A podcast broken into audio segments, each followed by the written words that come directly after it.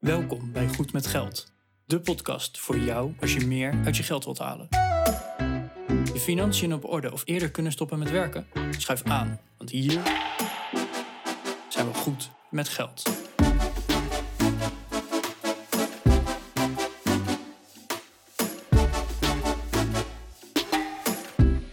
aflevering 175 van de Goed met Geld podcast. Bas en Arjan weer hier en vandaag hebben we een aflevering voor jullie gemaakt over het inleveren, al dan niet vrijwillig, van je salaris. In het geval van uh, langdurig ziek zijn, misschien wil je gewoon minder gaan werken, dan is het vrijwillig. Misschien wissel je van baan, ga je minder verdienen. Misschien ben je ondernemer, raak je arbeidsongeschikt. Er zijn allerlei redenen hoe het zou kunnen komen dat je een inkomensderving hebt. Vandaag gaan we het hebben over ja, wat je daartegen kunt doen en wat de gevolgen daarvan zijn. Arjan vertelt een, uh, ja, zijn persoonlijke verhaal over uh, langdurig ziek zijn. Ik vertel wat ik als ondernemer uh, doe en, en, wat mijn overwegingen zijn, hoe, je, hoe je daar iets tegen kunt doen. al met al denk ik een hele interessante aflevering weer. de show notes vind je op goedmetgeldpodcast.nl slash 175. Daar vind je wat meer informatie en kun je een berichtje achterlaten. En wil je nou een persoonlijk berichtje sturen, doe dat dan op goedmetgeldpodcast.nl slash contact. Veel luisterplezier.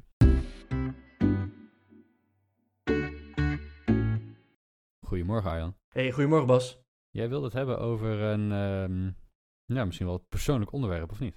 Uh, ja, en ik heb dit onderwerp uh, ja, heel eerlijk gezegd een tijdje uitgesteld. Want ik vind het ook uh, best wel een moeilijk onderwerp. Of nou, het, het onderwerp zelf misschien niet eens. Het is meer de aanleiding van het onderwerp. Mm -hmm. Want um, ja, de, de beste luisteraar, we hebben het over salaris inleveren salaris moeten inleveren. En dat, uh, ja, dat heb ik persoonlijk ook moeten doen. Um, degenen die mijn blog lezen, die, uh, die hebben het misschien al gezien, maar ik heb er een tijdje uitgelegen. Ik heb een uh, burn-out gehad. Ja, en dat is een, een heel pittig jaar geweest. En ik, ik hoop in ieder geval, of ik denk op de podcast, dat je er niet zoveel van gemerkt hebt. Want hè, dat, de, de podcast ging gewoon door, maar dat was eigenlijk ook wel het enige wat gewoon doorging. Nou Bas, jij hebt er, we hebben het er veel over gehad. Dus jij hebt er sowieso uh, meegemaakt en, en het van een zijlijntje mee moet kijken. Maar ja, dat, dat heeft dan wel tot gevolg dat je op een gegeven moment minder salaris krijgt. Nou, ondertussen, het gaat weer goed met me en we gaan het er niet te veel op die manier over hebben. Maar ik wil het er inderdaad wel over hebben om, ja, op, dat, op dat salarisgebied. Hè? Want ja, ik heb op een gegeven moment gewoon salaris in moeten leveren. En niks ten nadele van mijn werkgever of, of iets. Maar het was wel een feit dat het zo was. Dus ja, ik, ik vond het eigenlijk wel een heel goed onderwerp om het eens in onze, in onze podcast over te hebben. Van ja, wat nou als je salaris omlaag gaat? Ja, want het is natuurlijk wel zo dat als je uh, langdurig ziek wordt, dat dan uh, nou, jouw inkomen wordt doorbetaald in eerste instantie. Ja. Voor, voor 100% of op een gegeven moment voor 70% meen ik. Dus er zijn, hè, los van het feit dat je natuurlijk gezond wil kunnen worden en de, dat je daar druk mee bezig bent, heeft een langdurig ziek zijn ook ja, invloed op je financiën. Daarmee raakvlak met de podcast. Nou, en vanuit uh, jouw persoonlijke ervaring, Arjan, uh, denk ik dat we daar eens uh, over moeten gaan hebben. Ja. Zou je zullen beginnen met, met hoe, hoe werkt het nou? Gewoon even in de grote lijnen. Ja, in, in grote lijnen wordt er gesproken over langdurige ziekte. langdurig ziek zijn, dan denk je van, nou, hè, als ik twee weken de griep heb, dan vind ik al dat ik lang ziek ben. Dat valt nog niet onder langdurig ziek zijn. Langdurige ziekte volgens de, de staatjes van het UWV is vanaf vier weken niet kunnen werken. Dus uh, langer dan vier weken, dan uh, ben je officieel langdurig ziek. En uh, vanaf dat moment mag jouw werkgever ervoor kiezen om 70% van jouw bruto loon door te betalen. Mm -hmm. hè, dus stel je krijgt een, normaal 2000 euro bruto, dan gaat het opeens naar 70% van die 2000. Ja. Nou, daar, daar, zijn wel wat voorwaarden aan. Die 70% mag bijvoorbeeld niet lager zijn dan het minimumloon. Oh ja. Dat is sowieso eigenlijk wel fijn om te weten. Je zal niet zomaar onder het minimumloon zakken. Mm -hmm. En verder, uh, it depends. En dat vond ik het, uh, het lastige. Ik heb er een blogje over geschreven en ja, ik bleef het uitzoeken. En nou, het, het verschilt gewoon per bedrijf. Het verschilt per CAO. Want, zoals ik al zei, een bedrijf mag ervoor kiezen om. Nou, en dat, hè, sommige bedrijven die zeggen inderdaad van, nou, hè, je bent een maand ziek. Dat is, dus ben je dan langdurig ziek. Mhm. Dus we gaan je vanaf nu 70% betalen. Er zijn ook genoeg bedrijven, en dat, die zijn dan weer vaak ook aangesloten bij een CAO. Daar zijn gewoon collectieve afspraken gemaakt. De eerste twee jaar van jouw ziek zijn krijg je 100% doorbetaald. Mhm. Nou, dat vind ik een heel groot verschil. als je opeens honderden euro's minder gaat verdienen, na een maand al, of pas na twee jaar. En daar zitten verschillende gradaties tussen. Het bedrijf waar ik voor werk, eh, die hebben de regeling: het eerste jaar krijg je 100% doorbetaald. En het tweede jaar krijg je 70% betaald van de uren die je nog niet werkt. Want daar zit ook nog weer eens een gradatie in. Op een gegeven moment, eh, als je langdurig ziek bent, dan eh, kan je niet zomaar weer beginnen. Dat moet je ook weer langzaam opbouwen. Uren opbouwen, stress opbouwen, taken opbouwen, al dat soort dingen. Ja, dat zijn in principe reïntegratieuren. Ja, hoe worden die betaald? Nou, dat vond ik ook nog een, uh, een lastige klus om, uh, om uit te zoeken. Maar hè, het is echt puur en alleen welke afspraken staan er in de CAO of in jouw contract, je arbeidsvoorwaarden, dat soort dingen. Ja, dat, dus hè, de, de, in mijn geval kreeg ik de uren die ik weer aan het reïntegreren was, kreeg ik wel gewoon normaal betaald. Maar er zijn dus ook bedrijven waar, je dus, waar dus gezegd wordt van, nou, uh, nee, je krijgt daar 70% van betaald. Hmm, dat is best een, best een verschil natuurlijk. Ja. Dat is dan 70% van je, van je bruto inkomen. Ja. En weet je of er bepaalde regelingen zijn, of dat alleen over je basisinkomen gaat, of ook over uh, uh, secundair inkomen? Denk aan een uh, leaseauto, aan additionele vergoedingen, dat soort zaken? Nou, dat hangt dus ook weer helemaal af met de afspraken die gemaakt zijn. Hm. Hè, je hebt het hier inderdaad over hè, de, de inleg van je pensioen. Mm Dat verschilt. Ik weet toevallig in mijn geval werd pensioen wel gewoon ingelegd. Vakantiegeld werd gewoon doorbetaald. Maar ja, als je inderdaad teruggaat naar 70%, ik durf heel eerlijk te zeggen eigenlijk niet eens precies te weten hoe het nou bij mij zat. Ja, en dan denk ik dat je pensioeninleg ook nog 70% terug gaat. Ja, het, hoe dat precies uh, geregeld wordt, weet ik ook niet. Ik, ik kreeg in ieder geval op mijn salarisstrook kreeg ik een, een afrekening van... hé, hey, je werkt zoveel procent, dus is er een salariskorting van. En dat werd dus van mijn nou ja. uh, bruto loon afgehaald. Ja, maar ik denk dat je pensioenopbouw en zo... Die, dat, dat, dat is uiteindelijk een percentage van je loon minus die uh, AOW-franchise. Ja, maar in principe, hè, je, uh, je bruto loon blijft hetzelfde. Ja. Alleen halen ze op je salarisstrook er een deel van af. Ah, oké. Okay. Hm. Oké, okay, dus dat is niet, uh, je, weet, je weet niet precies hoe dat is gegaan. Nee, ik, ik weet niet precies hoe dat nou, uh, nou is gegaan. Oké. Okay. En ik denk dat dat ook niet het allergrootste probleem is. de, de pensioen doorbetalen, ja.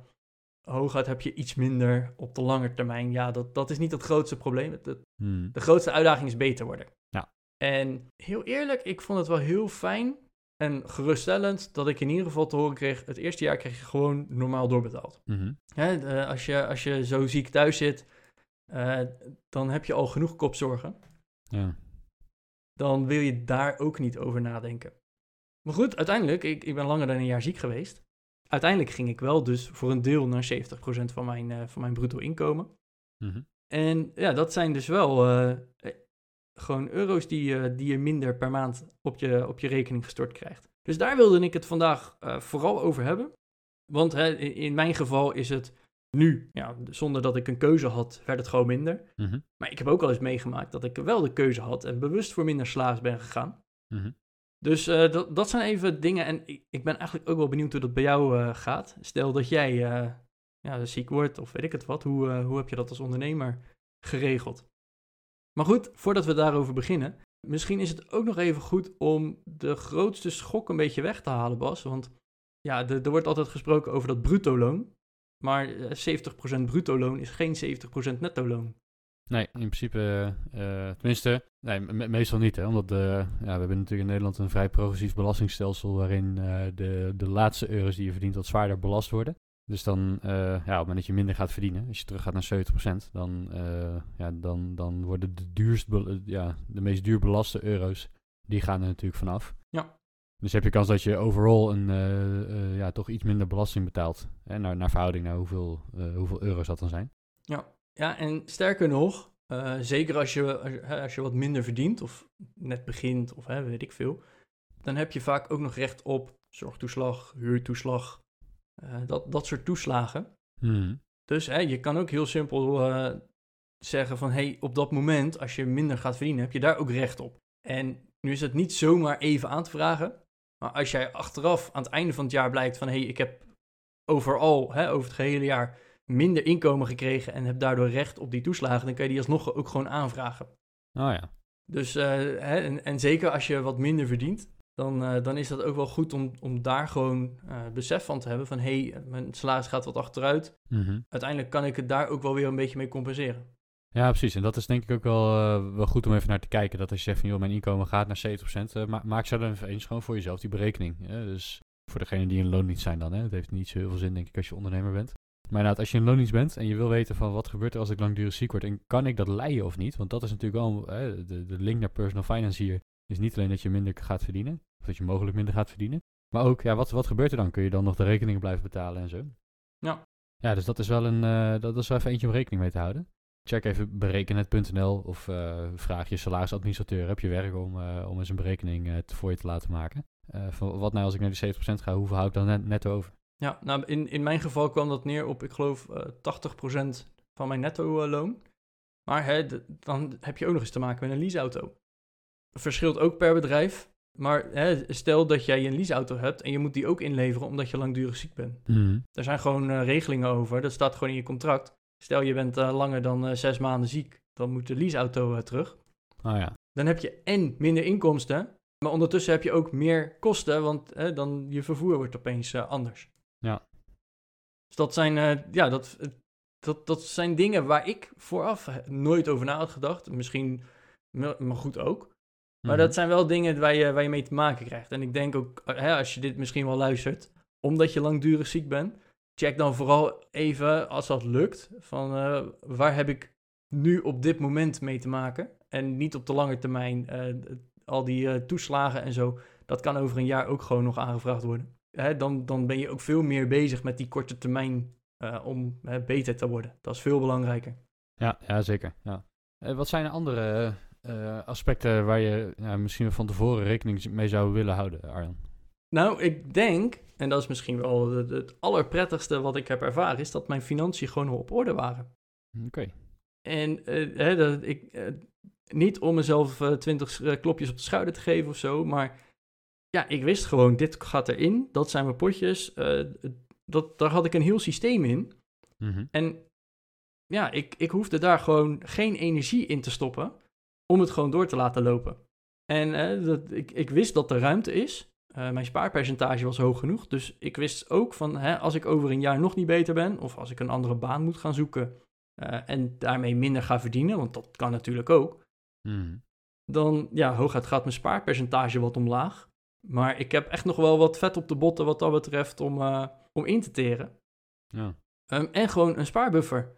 Hè, want stel dat je minder gaat verdienen en dat, eh, dat dan niet rond kan komen. Ja, dan is het toch wel heel fijn om, eh, om gewoon op de spaarrekening wat geld te hebben. Dat je inderdaad zegt van ja, die- is voor nood. Nou, nu is de nood aan de man, dus dan wordt het ook gewoon gebruikt. Ja, dus het is inderdaad fijn om gewoon die ruimte te hebben. Zowel eh, dat je wat geld achter de hand houdt, als dat je de ruimte op je inkomen hebt, als het ware. En dat, dat geef jij aan, eigenlijk, dat is, dat is een hele goede verzekering. Ook voor jou persoonlijk geweest, maar dat, dat geldt natuurlijk voor iedereen.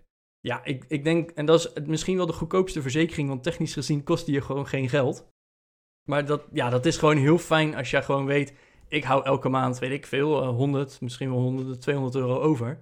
Hmm. Eh, stel dat je netto 200 euro minder gaat verdienen, dan is er technisch gezien gewoon nog niks aan de hand. Want hè, dat had je toen over, je kan alleen minder sparen. Ja. Dus ja, dat is gewoon op de lange termijn gewoon heel fijn. Want als je nu al 200 euro overhoudt en spaart, dan heb je tegen de tijd dat er echt nood aan de man is, heb je ook nog eens een spaarpotje, want je hebt kunnen sparen. ja, ja, precies. Dus, het- dus het, het mes snijdt dan echt wel aan twee kanten in. Ja, het, het werkt hartstikke dubbel door. En hè, zonder dat het je geld kost. Want hè, je kan je ervoor verzekeren waarschijnlijk ook. Tegen, Hmm. tegen inkomstenverlies, langdurig ziek zijn, al dat soort dingen. Ja. Ja, en dat, dat kost gewoon letterlijk geld. Terwijl je kan ook gewoon onder je stand gaan leven. Of onder de, de stand van jouw salaris. Dan kan je net zo gelukkig zijn als, als wanneer je dat niet doet. Ja, want dat, dat onder je stand leven en, en zorgen dat er ruimte is, dat is natuurlijk een. eh, dat is denk ik sowieso al gewoon een goede tip waar we, het, eh, waar we het heel vaak over hebben hier. Dat dat een onderdeel is van goed met geld zijn. En je noemt even het kunnen verzekeren tegen inkomensverlies. En dat vind ik wel even een belangrijk om hier ook in mee te nemen. Je kent namelijk eh, de arbeidsongeschiktheidsverzekering, de AOV. En die, eh, ja, die, die zijn er om op het moment dat jij ja, arbeidsongeschikt raakt, hè, of dat dan door ziekte komt, of door blessures, of door eh, misschien krijg je wel een auto-ongeluk. Of nou, er kan van alles gebeuren. Hè, waardoor je eh, je werk niet meer of minder kan doen. Ja. Eh, en het inkomensverlies dat je daar dan uit hebt, vervolgens dat, dat kun je verzekeren. Dat kan je doen als je in loondienst bent. Het kan zijn dat jouw werkgever dat heeft gedaan. Of dat het misschien, eh, ik weet niet of pensioenfondsen dat ook doen. Dat durf ik eigenlijk niet te zeggen. Maar, maar er, zijn, er zijn een aantal opties voor. En kijk, op het moment dat je in loondienst bent en je raakt langdurig ziek, ja, dan, dan hou je in elk geval die eerste twee jaar, wettelijk gezien, 70% van je, van je loon over. Als jij niet in loondienst bent, je bent ondernemer en je raakt arbeidsongeschikt waardoor je je werk niet meer kan doen of waardoor je minder werk kunt doen, hè, dat je misschien 50% arbeidsongeschikt raakt, ja, dan, dan is er niemand die voor jou eh, je, je omzet blijft doorbetalen, zeg maar. Want als je je klanten niet meer kan bedienen, je kan geen, eh, geen spullen meer verkopen of geen diensten meer leveren, ja, dan, dan, dan valt je omzet weg. En daar kun je dan voor verzekeren. Dus het, het, het gaat hier in dit geval niet alleen maar om ziek zijn, uh, in een loondienstsituatie, maar ook gewoon om het niet meer kunnen werken in een, nou, in, in, welke situatie dan ook. Ja. Dat soort verzekeringen, die hoor je wel eens in het nieuws. Dat ze heel duur zijn, dat het voor veel zelfstandigen, uh, dat ze onbereikbaar zijn omdat ze zo duur zijn. Ik ben er eens ingedoken, omdat ik zelf ondernemer ben. Dat doe ik nu, nou ja, zo'n 2,5 jaar of zo denk ik dat ik, dat ik eigen zaak heb. En ik moet heel eerlijk, eerlijk bekennen, ik heb geen arbeidsongeschiktheidsverzekering. Ik ben in het begin eens ingedoken, uitgezocht hoe werkt het nou en waar zitten nou de, de drivers zeg maar van hoe, uh, uh, ja, wat zijn wat de haken en ogen erin? Nou ja, maar ook de, vooral de driver van wat maakt nou dat je een bepaalde premie moet betalen. Wat, wat, welke factoren zitten oh, daar nou in? Ja? Nou, daar gaan we zo even terugkomen. Maar ik heb uiteindelijk een soort risicoafweging voor mezelf gemaakt. Van ja, je, je kunt jezelf verzekeren tegen van alles nog wat. En ik ben zakelijk zeker verzekerd hè, voor, voor een aantal zaken. Voor, voor beroepsfouten die je kunt maken bijvoorbeeld. Die beschouw ik een beetje als een brandverzekering. Je gaat hem waarschijnlijk nooit nodig hebben. Hij kost niet zo heel veel, maar als je hem hebt, dan ben je wel blij dat hij, dat hij er is. Zeg maar. Ja. als je hem een keer nodig hebt. Uh, maar met een arbeidsongeschiktheidsverzekering vond ik dat wat anders. En jij noemde net het onder je zand leven. Nou, dat, dat doen wij redelijk. Wij, wij als in mijn vriendin en ik. We bouwen vermogen op. We hebben wat passief inkomen uit een uh, beleggingspand. We lossen op onze woning af waardoor onze maandlasten dalen. En elke maand dat ik niet arbeidsongeschikt ben, dat ik gewoon kan werken, heb ik die verzekering veel minder nodig. Waarom? Ja, ik bouw weer een stukje vermogen op. Weer een stukje uh, meer passief inkomen. Weer een stukje minder maandlasten in mijn hypotheek. Ja. Ja, en ja, ik, ik ben er toen eens ingedoken en misschien moet ik het alsnog een keer doen hoor. Dat ik gewoon de, voor de komende vijf jaar bijvoorbeeld nog een keer zo'n verzekering neem. En dat we daarna zeggen van nu, als er nu wat gebeurt, dan zijn we het echt, dan maakt het echt niet meer uit. Wat ook nog meespeelt is dat we twee inkomens hebben. Oh, dat scheelt inderdaad wel uh, flink, ja. We zouden van één inkomen kunnen leven als het moest. Uh, snap je? Dus er zijn aan allerlei kanten zijn er zaken dat je zegt van ja, is dat wel nodig? En twijfel ik erover, moet ik daar dan geld aan gaan uitgeven? Wat je kunt doen, hè, dan, dan, dan komen we natuurlijk op van ja, je moet er geld aan gaan uitgeven. Hoe werkt dat nou? nou ten eerste wat denk ik het belangrijk begin is, is bij een arbeidsongeschiktheidsverzekering verzeker je toekomstig inkomen. Uh, en dat betreft dan een bruto inkomen dat je verzekert. Je kunt zelf vaak de hoogte van het inkomen dat je verzekert bepalen, binnen bepaalde grenzen. Maar je verzekert een bruto inkomen. Dat betekent dus ook dat de premie die jij betaalt bruto is. Dat is, uh, dat, dat is de, de voorwaarde die daarbij zit. En dat is natuurlijk wel fijn. Hè, stel je betaalt 200 euro een maand aan premie, dan, is dat, dan zijn dat aftrekbare kosten voor je inkomstenbelasting. Oh ja. Dus dat is gewoon een aftrekpost in, uh, in box 1, omdat je ja, toekomstig inkomen als het ware verzekerd. Ja, en daardoor dus uh, je huidige inkomen iets minder. Uh, je levert als het ware wat, wat huidig inkomen in voor uh, mogelijk toekomstig inkomen. Dat, dat is een beetje hoe ik hem beschouw. Dus dat, dat is de eerste. Ja, de tweede is van hoeveel premie moet je nou betalen? Dat, dat is van een aantal factoren afhankelijk. En, en de grootste factor daarin is denk ik je beroep. Ja, er wordt dus ook gevraagd naar uh, wat voor beroep heb je. En uh, heel veel van die, uh, van die sites waar je dan zo'n verzekering kunt, kunt aanvragen of vergelijken. Ja. die kennen ook echt heel veel verschillende soorten beroepsgroepen. He, ze wisten, ik, ik kon bijvoorbeeld heel specifiek mijn beroep invullen. Terwijl je zou ook kunnen zeggen, ja, dat is iets in de IT of iets in de consultancy. Of, ja, want jouw beroep is best wel specifiek. Of iets met digitaal advies of met, uh, nou, weet, weet, ik veel. Daar kan je Ja. van alles uh, van parapluutjes van maken. Maar daaronder zitten misschien nog wel twintig verschillende specialisaties. Nou, die kon ik alle twintig terugvinden. Zo. Uh, dus ze konden heel specifiek pinpointen van wat voor beroep doe je nou. En op zich is dat natuurlijk logisch, hè. Want als jij, als je in de bouw werkt en je staat heel vaak op een steiger of op een ladder. En je valt van die ladder af en je breekt je been, dan kan je niet meer werken. Maar ja, als je IT-consultant bent en je zit op je kont achter een laptop, dan is de kans niet zo heel groot dat je van een ladder afvalt en je been breekt. Nee, of stel dat je stratenmaker bent, dan is de kans dat je van een ladder valt ook een stuk kleiner dan wanneer je inderdaad de timmerman bent die uh, gl glazen zet. Ja, precies. He, dus op die manier wordt er gekeken natuurlijk al naar, naar wat is de kans dat er iets gebeurt, waardoor je mogelijk arbeidsongeschikt raakt. Nou, vervolgens wordt ook de impact meegenomen. He, want stel dat ik toch mijn been breek, dan zou ik nog steeds achter een laptop kunnen zitten en mijn werk kunnen doen. He, dus, dus op het moment dat de timmerman zijn been breekt, dan kan hij zijn werk niet meer doen. Ja. En één, de kans is groter dat hij zijn been breekt. En twee, als hij zijn been breekt, is de impact daarvan ook groter. Dus dat is best wel een aardige factor in de, in de premie die je betaalt. Hoe groter het risico is, hoe, ja, hoe hoger de premie natuurlijk. Dat, dat is met verzekeren vrij, vrij logisch, neem ik aan. Er wordt naar gekeken naar leeftijd en naar je gezondheid. Hè. Je moet ook zo'n zo'n uh, zo'n uh, gezondheidskeuring uh, laten Oh, ja. Op het moment dat je een verzekering afsluit. Uh, dus dat zijn, dat zijn factoren die meespelen. Maar wat ook een hele belangrijke is, en, en daar komen we weer op het stukje goed met geld zijn, is hoeveel inkomen wil je verzekerd hebben? Stel je bent ondernemer, interimmer, je doet het goed, je verdient, weet ik veel, ik noem even wat hoor, een ton of anderhalve ton per jaar. Ja. Hartstikke leuk. Heb je een super briljant inkomen. Mag je heel trots op zijn. Ehm, en eh, eh, nou, je partner heeft ook nog een inkomen. Ja, moet je dan een ton aan inkomen gaan verzekeren als je arbeidsongeschikt raakt? Of is 50.000 euro meer dan genoeg? Ja, of is ja, nou ja, precies dat. Hè. Is 50 misschien ook genoeg? Of 35? Of noem, even iets, hè. Kijk, hoe, hoe meer jij uitgekeerd wil hebben op het moment dat je onges- arbeidsongeschikt raakt, hoe hoger natuurlijk de premie is die je moet betalen. En want als het dan een keer misgaat, moet die verzekeraar veel meer gaan lappen voor jou. Ja. Eh, dus moet je, eh, zolang, eh, zolang je nog wel werkt, wat meer premie betalen. Dus dat is de eerste waar je even naar moet kijken. En dat is denk ik gewoon een kwestie van een inschatting maken van wat als er nu iets gebeurt, hoeveel inkomen hebben we dan nodig om er ook voor rond te kunnen komen. En dat we dan eh, de derde BMW niet kunnen betalen en niet voor de vierde keer op cruisevakantie kunnen. Ja, als je zegt van ja, dat wil ik allemaal echt blijven doen, dus ik heb dat hoge inkomen nodig. Nou oké, dan, dan kan je dat verzekeren. Als je zegt van nou, ik vind het dan ook goed hè, om, nou we hebben onze maandlasten laten dalen, we hebben wat eh, belegd vermogen inmiddels, we hebben nog een tweede inkomen. We kunnen ietsjes minder inkomen verzekeren. En dan scheelt dat echt wel heel veel premie. Dat is echt wel eh, de moeite waard om, om goed te checken. Ja, want daar ben ik eigenlijk wel benieuwd naar. Van, er wordt inderdaad altijd gezegd van het is zo ontiegelijk duur.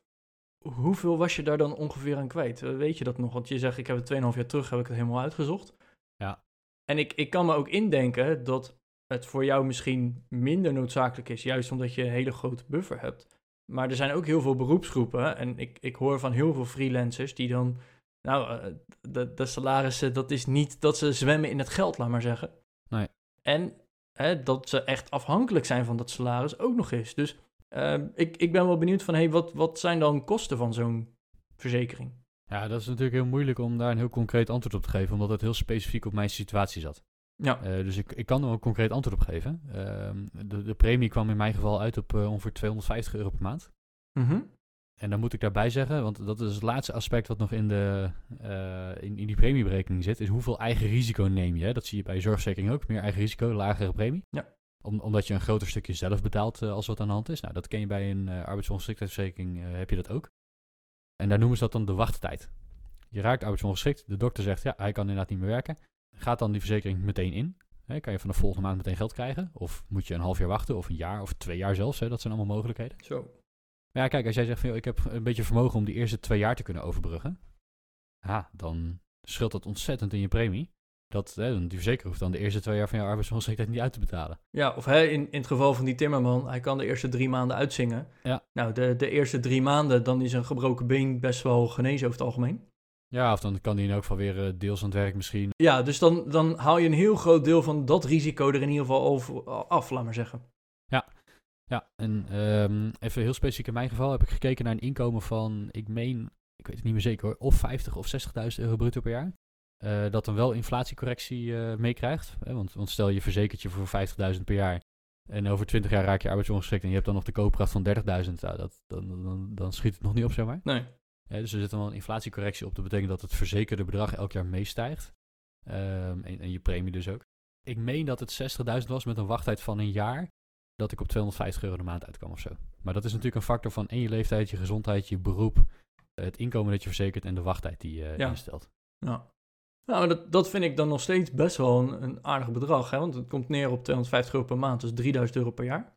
Nou, wel aftrekbaar. Dus dat, eh, het zijn bruto kosten eigenlijk die je maakt. Ja, maar dat was dus wel gewoon, eh, eh, even snel gerekend, 5% van het verzekerde bedrag. Met best wel hè, de- de- een jaar wachttijd, al dat soort dingen. Gunstige leeftijd, je bent gezond. Tenminste, Ja. denk ik dan in ieder geval. Maar Ja. er zijn mensen die ongezonder zijn. Ja, zeker. Het, het, is niet, het is niet goedkoop, maar dat komt omdat de bedragen natuurlijk vrij groot zijn. Ja. ja en als er wat gebeurt, dan, eh, ja, weet je, dan, eh, dan blijf je gewoon eh, met een beetje pech blijf je de rest van je leven dat geld incasseren. hè? Ja, ja nee, zeker Dus waar. dat, maar- ehm, ja, je betaalt er best wel fors een premie voor. En wil je inderdaad meer verzekeren met minder wachttijd en heb je een gevaarlijker beroep, ja, dan heb je kans dat het echt honderden euro's per maand aan Ja, premies kost. Dan schiet het echt omhoog, inderdaad. Oké. En dat, dat heb je dus toen niet gedaan hè, met, met de wetenschap van... hé, hey, ik, ik hou dusdanig over...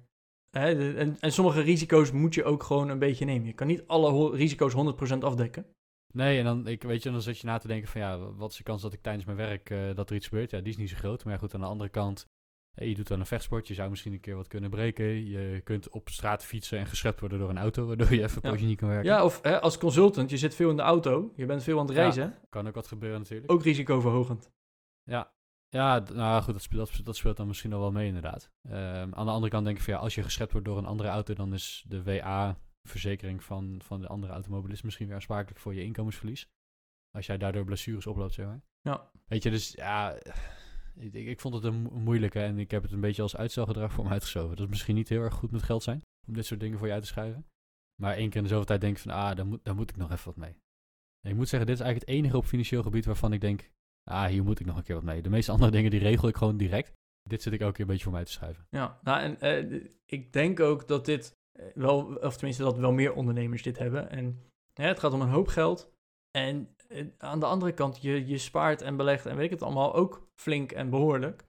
En je vriendin heeft nog een inkomen. Dus dat zijn allemaal van die dingen die voor jou ook meetellen. Van hé, hey, stel jouw inkomen valt weg. Ja, natuurlijk, Hmm. je moet echt wel wat minder heftig gaan leven. Ja. Eh, maar het is niet dat je een boterham minder erom eet.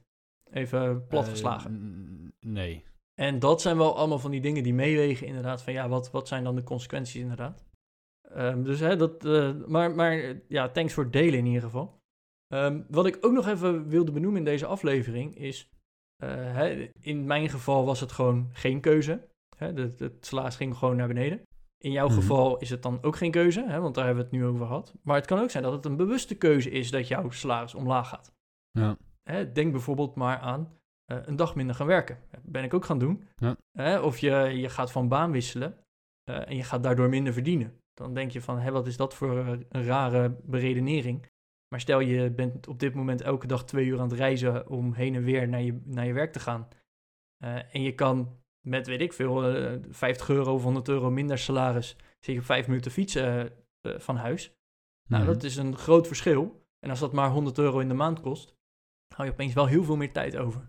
Ja. Nou, dat zijn allemaal eh, keuzes die je kan maken. En op dat moment kies je dus heel bewust voor minder salaris. Ja, en dan, dan ja, we komen misschien wel weer een beetje eh, terug op waar we het eerder over hebben gehad. Gewoon het onder je stand leven en rond kunnen komen met minder. En zeker als je dus al weet van, hé, hey, ik, eh, ik ga, weet ik veel, een dag minder werken.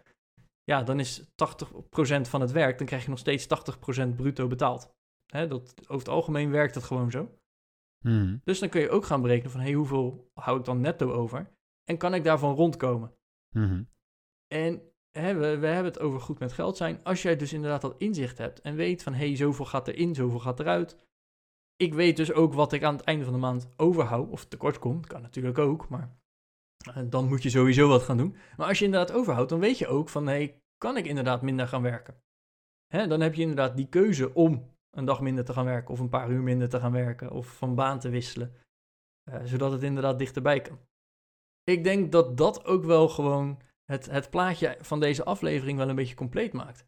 Gewoon doordat jij financieel bewust bent, zodat je, hè, dat je weet, dit komt erin, dit gaat eruit, dan kan je dus ook gewoon al rekening houden met van, hé, hey, wat als?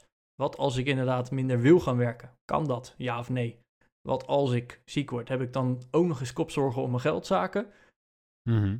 Of is het nou eenmaal zo? Is het heel vervelend, maar hè, heb ik wel alle e- energie en, en eh, tijd om gewoon weer beter te worden? Nou, waar jij het al over had met, je, met, de, met de verzekering. Ja, het, het, is heel vervelend als het gebeurt. Maar als er iets inderdaad eh, misgaat, dan kan je echt wel even uitzingen. Hè, door jouw spaargeld, door hè, dat, je, dat, je, dat je vriendin ook gewoon verdient. Dan is er eigenlijk gewoon het eerste jaar ook nog niet zo heel veel aan de hand. Ja, en ik denk dat dat ook echt wel een, een onderdeel is van goed met geld zijn. Dat je weet van als er, eh, als er nou verwacht of onverwacht zo'n moment komt dat je minder salaris gaat ontvangen. Ja, kan je dat dan leiden, ja of nee? Ja, en dat, eh, dat zal je altijd voor jezelf moeten bepalen, denk ik. Dus misschien nog een stukje huiswerk eh, na de aflevering van vandaag. Eh, check even wat de regelingen in jouw, ja, bij jouw baan zijn voor als je arbeidsongeschikt raakt of langdurig ziek bent. Wettelijk gezien heb je ook van recht op een doorbetaling van 70% van je loon in de eerste twee jaar uit mijn hoofd. Ja, en het mag ook niet lager zijn dan minimumloon. Is ook nog wel fijn om te wezen. Hè, dus als je op minimumloon zit, dan, dan hou je dat. En dan ga je niet ineens een 70% van het minimumloon. Maar check dat even. Hè, want eh, goed voorbereid zijn, dat is... eh, nou, goede voorbereiding is half werk, zeggen ze. Dat is in dit geval ook echt zo. Hè, dat je niet eh, op het moment dat het gebeurt... nog een keer in de stress moet gaan zitten zoeken... naar wat zijn eigenlijk de regelingen en mijn rechten. Check het nu even. En check dan ook even van als ik dan die 70% ga verdienen... hoeveel hou ik daar netto van over? En kan ik daarvan rondkomen? Want als je, dat, als je daarvan kan rondkomen... nou, duimpjes omhoog, dan heb je het goed geregeld voor jezelf.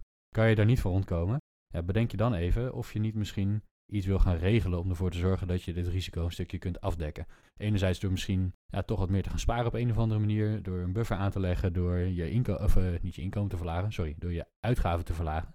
Ja, uh, wees voorbereid zou ik zeggen. Ja, ik denk hier dat gewoon een, een, een, een goede pot spaargeld, dat je daarmee al een heel eind komt. Je hoeft niet meteen ook minder te gaan leven of minder uit te gaan geven. Want ja, hoe groot is de kans dat je inderdaad langdurig ziek wordt? Ja, die kans is er, maar het is niet van, uh, nou, wanneer is de volgende of uh, eens in de vier weken is er, is er zo'n kans? Nee, dat, die kans is niet gigantisch. Maar op het moment dat het voorkomt, dan is het wel fijn om daarop voorbereid te zijn. En ik denk dat je met een spaarpot, ja, natuurlijk, je gaat interen op je spaargeld dan. Maar ja, ik denk dat, dat als dat dan het ergste is, dan heb je nog steeds gewoon alle tijd en energie om, om beter te worden. Ja. Dus ik, ik denk dat die spaarpot hier wel gewoon de, de allerbelangrijkste ja, buffer is. En met dat gezegd hebben, uh, mocht je nog tips hebben, laat het uh, ons weten. Goedmetgeld.nl slash contact voor privéberichtjes. Dan uh, lezen Arjan en ik het, maar de rest van de wereld niet. Of onder de show notes kun je openbaar een berichtje posten. En dan kunnen andere bezoekers van onze site ook meelezen. dus wil je ervaringen of tips delen, doe dat vooral. En als je dat doet, tot volgende week. Tot volgende week.